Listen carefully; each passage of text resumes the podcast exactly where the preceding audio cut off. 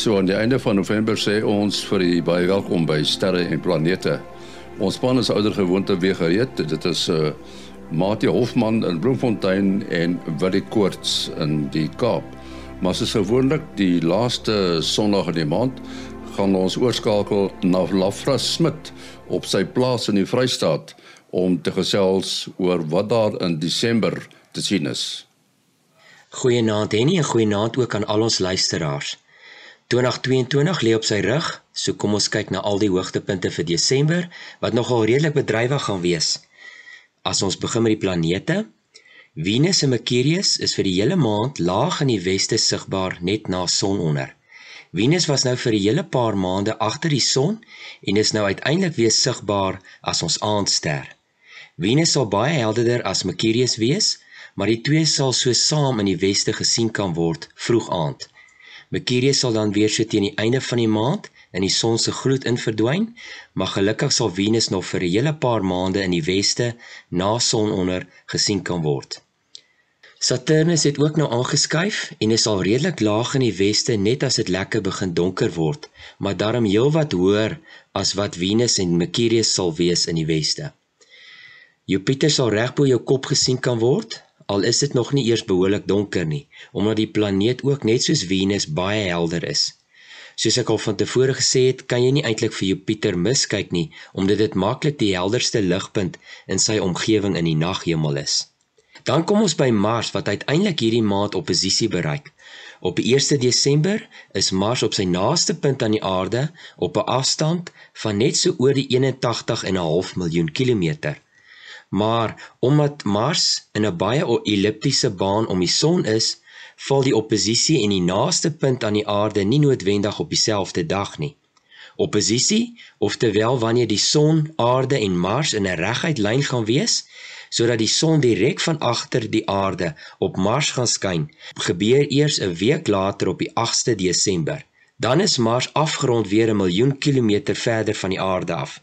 Mars sal dan ook opkom in die ooste soos die son in die weste sak en heel nag gesien kan word as 'n lekker helder rooi ster net so eentjie onder die rooi ster Aldebaran. As ons dan nog datums kyk, is die maan naby aan Jupiter op die 2de en naby die Pleiades op die 6de. Op die 8ste is dit volmaan en dan is die maan ook naby aan Mars wat dan in oppositie is.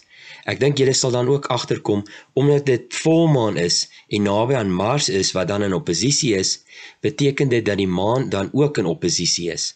Elke volmaan is dus eintlik so omdat die son van direk agter die aarde vol op die maan skyn. Dit is net sekere tye as die son, aarde en die maan presies oplyn wat ons dan 'n maansverduistering kry waar die aarde se skade weer dan op die maan val. Die 11de is die maan naby die ster Pollux, een van die sterre wat die koppe van die tweeling uitmaak, en op die 14de naby Regulus. Op die 21ste is dit die somerson stilstand vir die suidelike halfrond waar die son dan weer begin draai na die noorde toe. Die 24ste maak die maan 'n mooi driehoek met die planete Venus en Mercurius laag in die weste net na son onder. Die 26ste is die maan naby Saturnus en op die 29ste naby Jupiter. Venus en Mercurius sal daardie aand ook naby mekaar wees, laag in die weste. Soos altyd sal ek al hierdie inligting op ons Facebookgroep se dekfoto sit. Dan laastens, soos altyd in Desember bereik die Gemini sterrereën 'n maksimum op die 14de. Daar is nog 'n voorspelde maksimum van 120 meteore per uur, maar ongelukkig val dit saam met 'n helder maan wat baie van die dowwer meteore sal uitdoof. So die sterrereën word as nie baie gunstig voorspel vir hierdie jaar nie. Die sterrereën is van die 4de tot die 20ste Desember, so probeer maar kyk so van middernag tot 3uur die oggend. Nou ja, dit is my storie vir hierdie maand as ook vir die jaar 2022. Dankie vir nog 'n lekker jaar wat ons saam die naghemel kon aanskou het en ek gesels dan weer in volgende jaar met julle. Tot dan, lekker opkyk almal. Baie dankie Lavras. Mati, uh, ons het al gepraat oor die auroras. Dis dis nou die gevolg van magnetiese storms. Die aurora borealis en die aurora australis in die suidelike halfrond. Maar jy al gehoor van 'n pink aurora? Uh, ek het nie gehoor van 'n pink aurora tot nou uh, laasweek nie. want daar was die eerste keer lyk like my in ongeveer 10 jaar waar daar baie uh, baie mooi helder pink aurora was uh vir ongeveer 2 minute en uh die gelukkige mense wat dit kon, uh, kon gesien het was op 'n toer saam met die Greenlander Tour Camper Company in Noorwe. Die toerleier Marcus Warrick uh, sê dis die eerste keer in ongeveer 10 jaar wat hy dit uh so helder gesien het. Nou die auroras is tipies uh meer groen en uh, dit hang af van op watter hoogte in die atmosfeer uh die strale wat nou inkom uh wat nou in spiraal met die magneetvelde uh, watter hoogte dit nou die meeste uh interaksie het met die atome in die atmosfeer.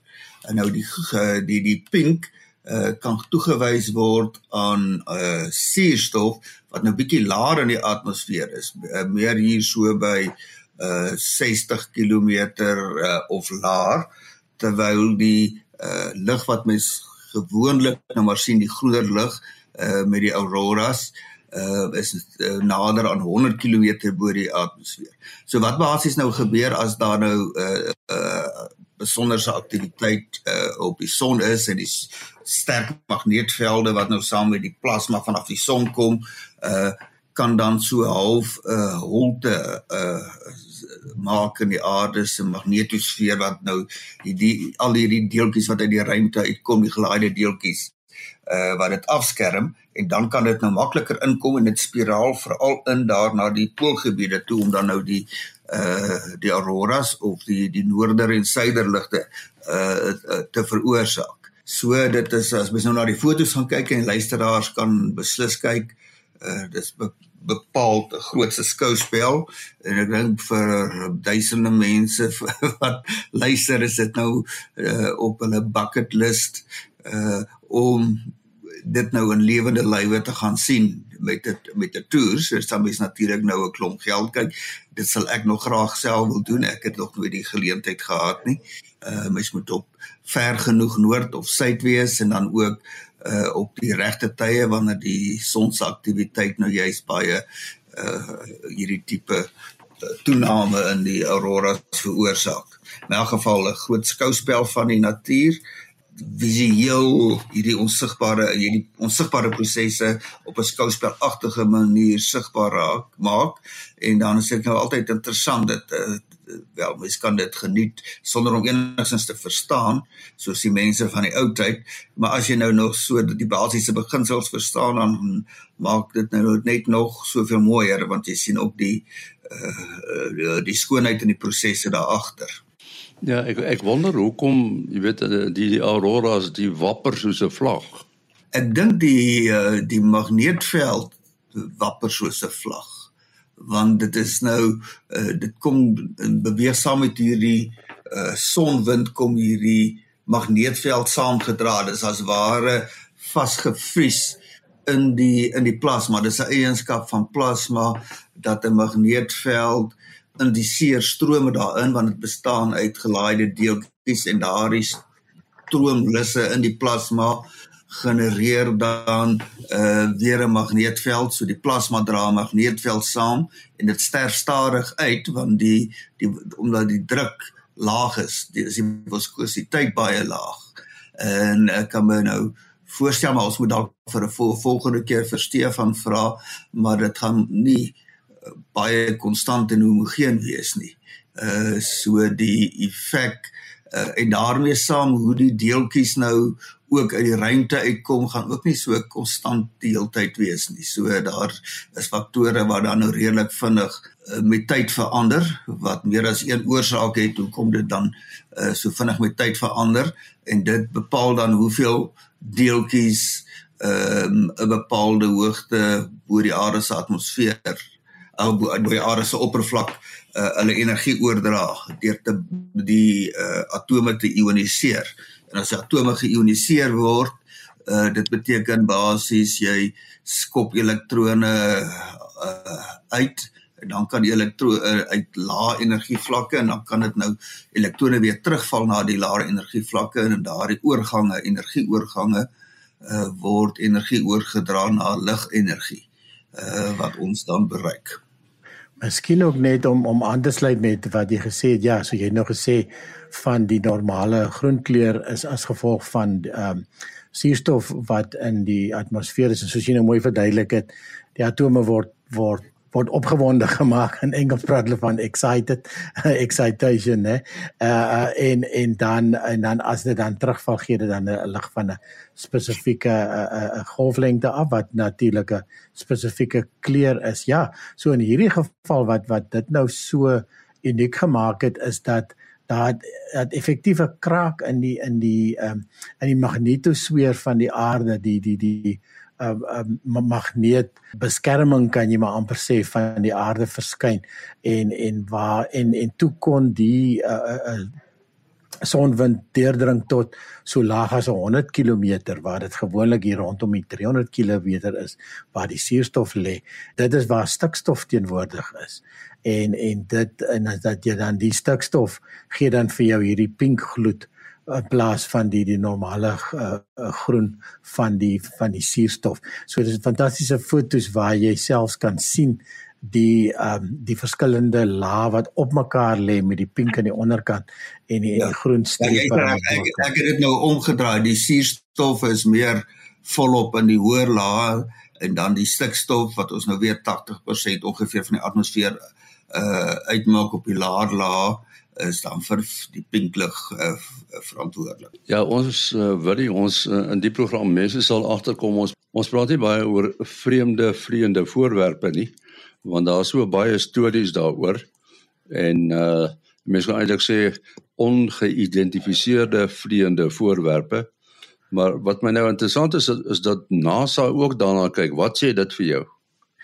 Ja, dis dis interessant want soos jy nou sê, so wat is dit seker nou so 2 jaar gelede het die Amerikaanse uh, lugmag het, het het afgekondig dat hulle 'n uh, space defense system, ek kan nie presies die regte afkorting onthou nie, uh, op die been gaan bring om juist te kyk na dis natuurlik nog 'n nog 'n uh, front wat jy moet wat jy moet beskerm. uh, enige land met genoeg infrastruktuur soos die Amerikaners wat baie baie satelliete daarbo het uh, uh moet moet effektief beskerm word uh teen aanvalle uit die uit die uit ruimte en fisieke van die aarde af ook maar dis 'n bietjie moeiliker. En uh ja, nou is dit baie interessant dat ehm um, dat die dat NASA uh het nou hierdie uh, unidentified aerial phenomena study. Ja, so dis basies UFO study kan jy maar sê uh, uh en hulle het nou 'n span bymekaar gesit. So dit dit lyk nogal of daar genoeg uh goeters is en en ek en ek dink in hierdie geval is dit nie noodwendig um um UFOs uh, of of uh VVV's in die in die in die ou sin van die van die woord nie. Hierdie uh, sal natuurlik 'n hele uh, groep goeders insluit wat um wat mense sien en en uh, seker dan deur ander maniere ook waargeneem word. Uh en en dan en dan is daar genoeg inligting wat hulle kan insamel om dan um, om dan 'n studie te maak daarvan. En en onder andere praat hulle hierso van uh, artificial intelligence of of uh, kunsmatige intelligensie.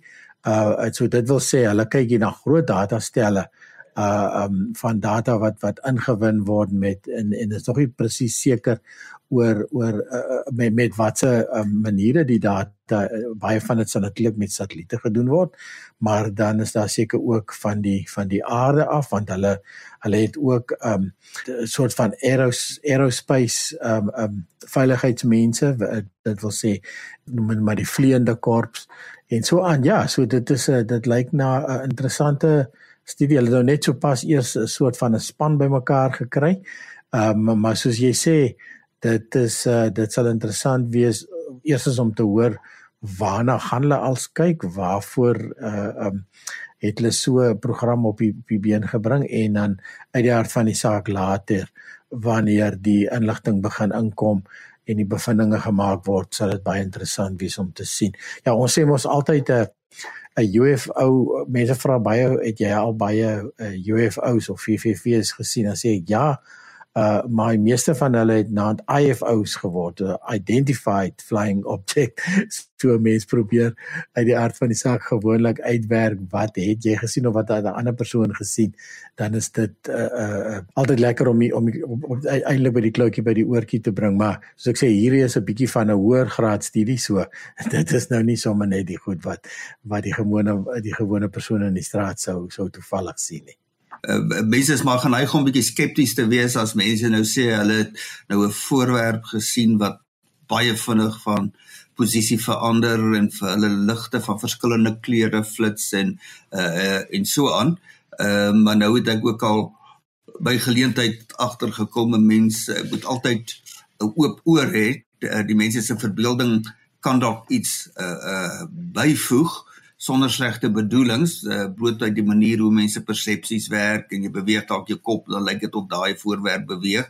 Ek onthou van jare gelede wat ek 'n oproep gekry het oor hierdie voorwerp, 'n lang uh, smal voorwerp wat so deur die atmosfeer gesweep het. Uh, en 'n rukkie later kry ek 'n oproep van 'n ander dorp en later nog 'n ander dorp en almal se beskrywing is presies dieselfde en dan weet 'n mens daar moet substans wees en in daai geval was dit 'n lang ketting of in Engels tether uh wat van die uh, pendeltuig afgebreek het. Ehm um, nou ek self het al 'n konstellasie van VVV's hier bo Bloemfontein gesien na aanduiding van mense wat my gebel het uh, in dagtyd en toe sê hulle wel toe vra ek maar waar kan ek gaan kyk? Dit was in 'n tyd wat mense Venus helder oordag kon uh kon sien en Uh en toe ek hierdie snaakse goed gesien en dan verdwyn dit. Uh en dan verskyn daar weer nuwe. Dit uh, dit was baie vreemd tot ek uiteindelik met 'n klein uh, skyfskiet teleskoopie kon uh waarneem dat daar baie baie hoog was daar voëls en reusagtige webbe. En die webbe het begin uitsak en dit was as ek reg onthou van ehm um, webbe van wolspinnekoppe wat deur die ligstrome so opgeneem is en die voëls het toe 'n prooi gehad om na bo te gaan vang. Maar dis 'n manier hoe hulle versprei. So daar's nou 'n voorbeeld van 'n 'n uh, ongeïdentifiseerde voorwerp wat toe nou uh, identifiseerbaar ge, geraak het. En uh, ek dink ook een van die van die redes is dis nou maar seker soos die politici ook maak is daar baie vrae oor goederes is dan las hulle ondersoek. En dan kan die mense nie sê hulle hulle doen niks nie. Weet as om 'n bietjie die agterdogte besweer uh, dat daar 'n sameswering is om al hierdie goed stil te hou. En nou wil hulle wys nie maar hulle is net so nuuskierig daaroor as die baie gewone mense. Ja ek het ook een slag wat vir my nog 'n interessante uh ding was wat soos jy nou sê in die nag jou oog is mos maar 'n verlenging van jou brein en andersom. Jou jou jou jou oog het jou brein nodig om te interpreteer wat wat gesien word. En en dit is natuurlik hoekom jy sê soos jy sê as iets is op naby jou oog soos 'n spinnerakkie wat in die maanlig blink uh deur die wind geroer word dan lyk dit of hierdie want jou verstand sê vir jou daai ding is deur op die horison. En hoe kon hy so vinnig van een posisie na die ander een beweeg het? Ek het ek het een aand met my toe ek nog net so begin het met sterrekunde toe ehm um, daai tyd het het, het ons het nou eendag oor gepraat dat uh, Alpha Centauri die naaste sterrestelsel uh, uh, of die ja, stelsel van sterre wat eintlik drie sterre is Proxima Proxima Centauri wat eintlik die naaste is maar was 'n baie mooi dubbelster. Hulle raak nou heelwat nader aan mekaar maak moeiliker om om uh, as twee sterre te sien het het ek dit was altyd een van die uh, eerste goed wat ek gou na kyk om te sien hoe goed is die atmosfeer kan ek die twee sterre mooi uitmekaar uit sien en toe um, het ek gesien maar oor die berge daar het nou 'n helder ster opgekom. Uh die Toyskloof berge is net so agter my huis en uh en en ek ek swaai my teleskoop soontoe en ek sien wow dis 'n perfekte dubbelster net so soos Alpha Centauri. En uh, nou probeer ek uitwerk nou wat se nog dubbelsterre is daar nog wat, wat dan soos Alpha en like toe skielik gaan die een dood en aan en die ander een dood en aan soos wat iemand voor die kar se ligte verbyloop wat daar op die berg geparkeer het. En wat ek deur my teleskoop sien ja toe hoe kan ek onmiddellik identifiseer dit is daarom nou nie 'n onbekende dubbelster wat ek ontdek het nie. Wat jy terwyl jy aan die gang is, uh ons sien baie fotos en jy het ook al baie daarmee te doen gehad hoe mens sogenaamde sterstrepe afneem. Jy weet daai ronde sirkels. Het 'n mens 'n bepaalde tegniek of kamera daarvoor nodig? Ja, dit is eintlik een van die van die ehm um, die beginner maniere van astrofotografie wat baie mense ehm um, uh, sal aanpak.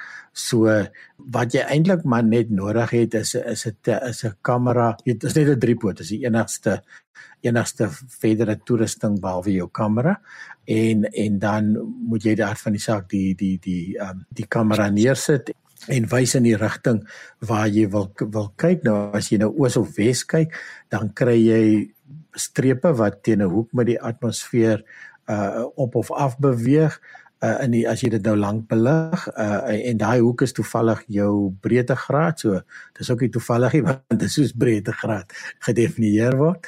En dan en dan jou kam jou uh, kamera moet uit die aard van die saak kan op op manual kan gestel word uh of ten minste 'n langerige beligting doen. Wel, selfone kan dit selfs ook deesdae doen. En dan en dan hoe hoe langer jy kan belig, hoe beter as jy uh meeste van die vandag se DSLR's kan tot so 30 sekondes doen. Um uh of jy kan 'n uh, uh, baie lang beligting neem. Nou meeste van die tyd, weet as jy nou vir hom vir 30 minute of so jou jou lens oop los, dan gaan jy baie mooi strepe kry. Die probleem is nou net as iemand nou moet 'n flits of 'n kar sy ligte gooi daaroor dan is daai dan jou hele 30 minute of ure hoe lank jy al belig se beligting daarmee heen. So wat ons gewoonlik doen is ons neem maar net 'n reeks soos 30 sekonde beligtings. Ehm um, en en dan in sagte ware sal ons dit dan dan aan mekaar sit agterna daar's uh, heel wat gratis uh, sagte ware Star Trails wat presies is wat jy afneem is is een so 'n stukkie sagte ware daar Star Stacks Ehm um, daar's nog ander uh programme ook. En natuurlik wat ek miskien net uh, vergeet het om te sê is, is jy moet jou uh die die kamera se stellings is nog gepraat van sê maar 30 sekondes uh, belig as jy kan. Ehm um, dan moet jy uit die hart van die saak jou lens so groot as moontlik ooptrek. So dit wil sê die kleinste f nommertjie so as jou uh, kamera tot by f4 kan gaan dan sit jy hom op f4 of sê f1.8 soos 'n van hierdie vinniger lense kan sit jy hom op, op dit sit. En dan moet jy ook jou jou ehm um, ISO wat effektief die die ehm um, die die die sensitiwiteit uh, in die ou dae van die film gewees het uh wat nou van vandag se kameras nog steeds dieselfde benaming gebruik. Uh, die sal jy dan redelik hoog stel. Jy sal um uh ten minste 1600 uh te miskien 3200 en natuurlik as jy hoe hoër jy gaan hoe meer hoe hoe meer uh, greinerig raak jou raak jou beeld so jy jy leer maar na jou kamera ken deur hoe, hoe hoog kan jy dit druk. Ja, en dan en dan het jy hier 'n klomp beelde wat jy dan sagte ware aan mekaar sit of jy sal een lang beligting maak soos ek sê maar daar's 'n bietjie 'n risiko aan verbonde. En dan die interessante ding is jy dan na die suid hemelpool wys. Nou ons het al voorheen gepraat miskien hoe kry jy nou suid met die suiderkruis? Ehm um, as jy hom in daai rigting wys en dan hoef jy nie eers te wonder waar as die suiderkruisie want baie gou as jy dan die fotootjie stapel sal jy sien o hierso eh, is 'n punt dit lyk soos 'n punt waar om alles draai wat dan natuurlik die verlenging van die aarde se as is uh effektief tot aan die hemel uh uh um, en daai punt staan dan vir jou stil in die noordelike halfrond dit is natuurlik 'n sogenaamde poolster of of Polaris of die, of die North Star maar hier in die suidelike halfrond het ons nou nie 'n mooi sterretjie om die pool te merk nie. So dan sal jy in jou as jy jou foto aan mekaar gesit het, jou fotoreeks aan mekaar gesit het, sal jy kan presies sien waar uh, waar is die is die suidhemelpool. En dan uh, om 'n foto nog interessanter te maak, probeer iets naby die of op die pool sit soos 'n kerktoring of 'n windpomp of uh ek en Lafras het nou so 'n uh, uh, rukkie terug aan Sutherland het ons die die die uh kalibrasietoring van salt uh presies op die suidhemelpool gesit en dan kry jy nog al 'n baie interessante prentjie. Ons moet uh, afsluit. Wil jy besonderhede? Ja, mense kan bel, WhatsApp of SMS. Verkieslik WhatsApp 072 4579208. 0724579208. En dan Mati 0836257154. 0836257154. Die program se e-posadres oudergewoonte sterreplanete by gmail.com. sterreplanete by gmail.com. Ons is volgende week weer terug. Tot dan, alles van die beste.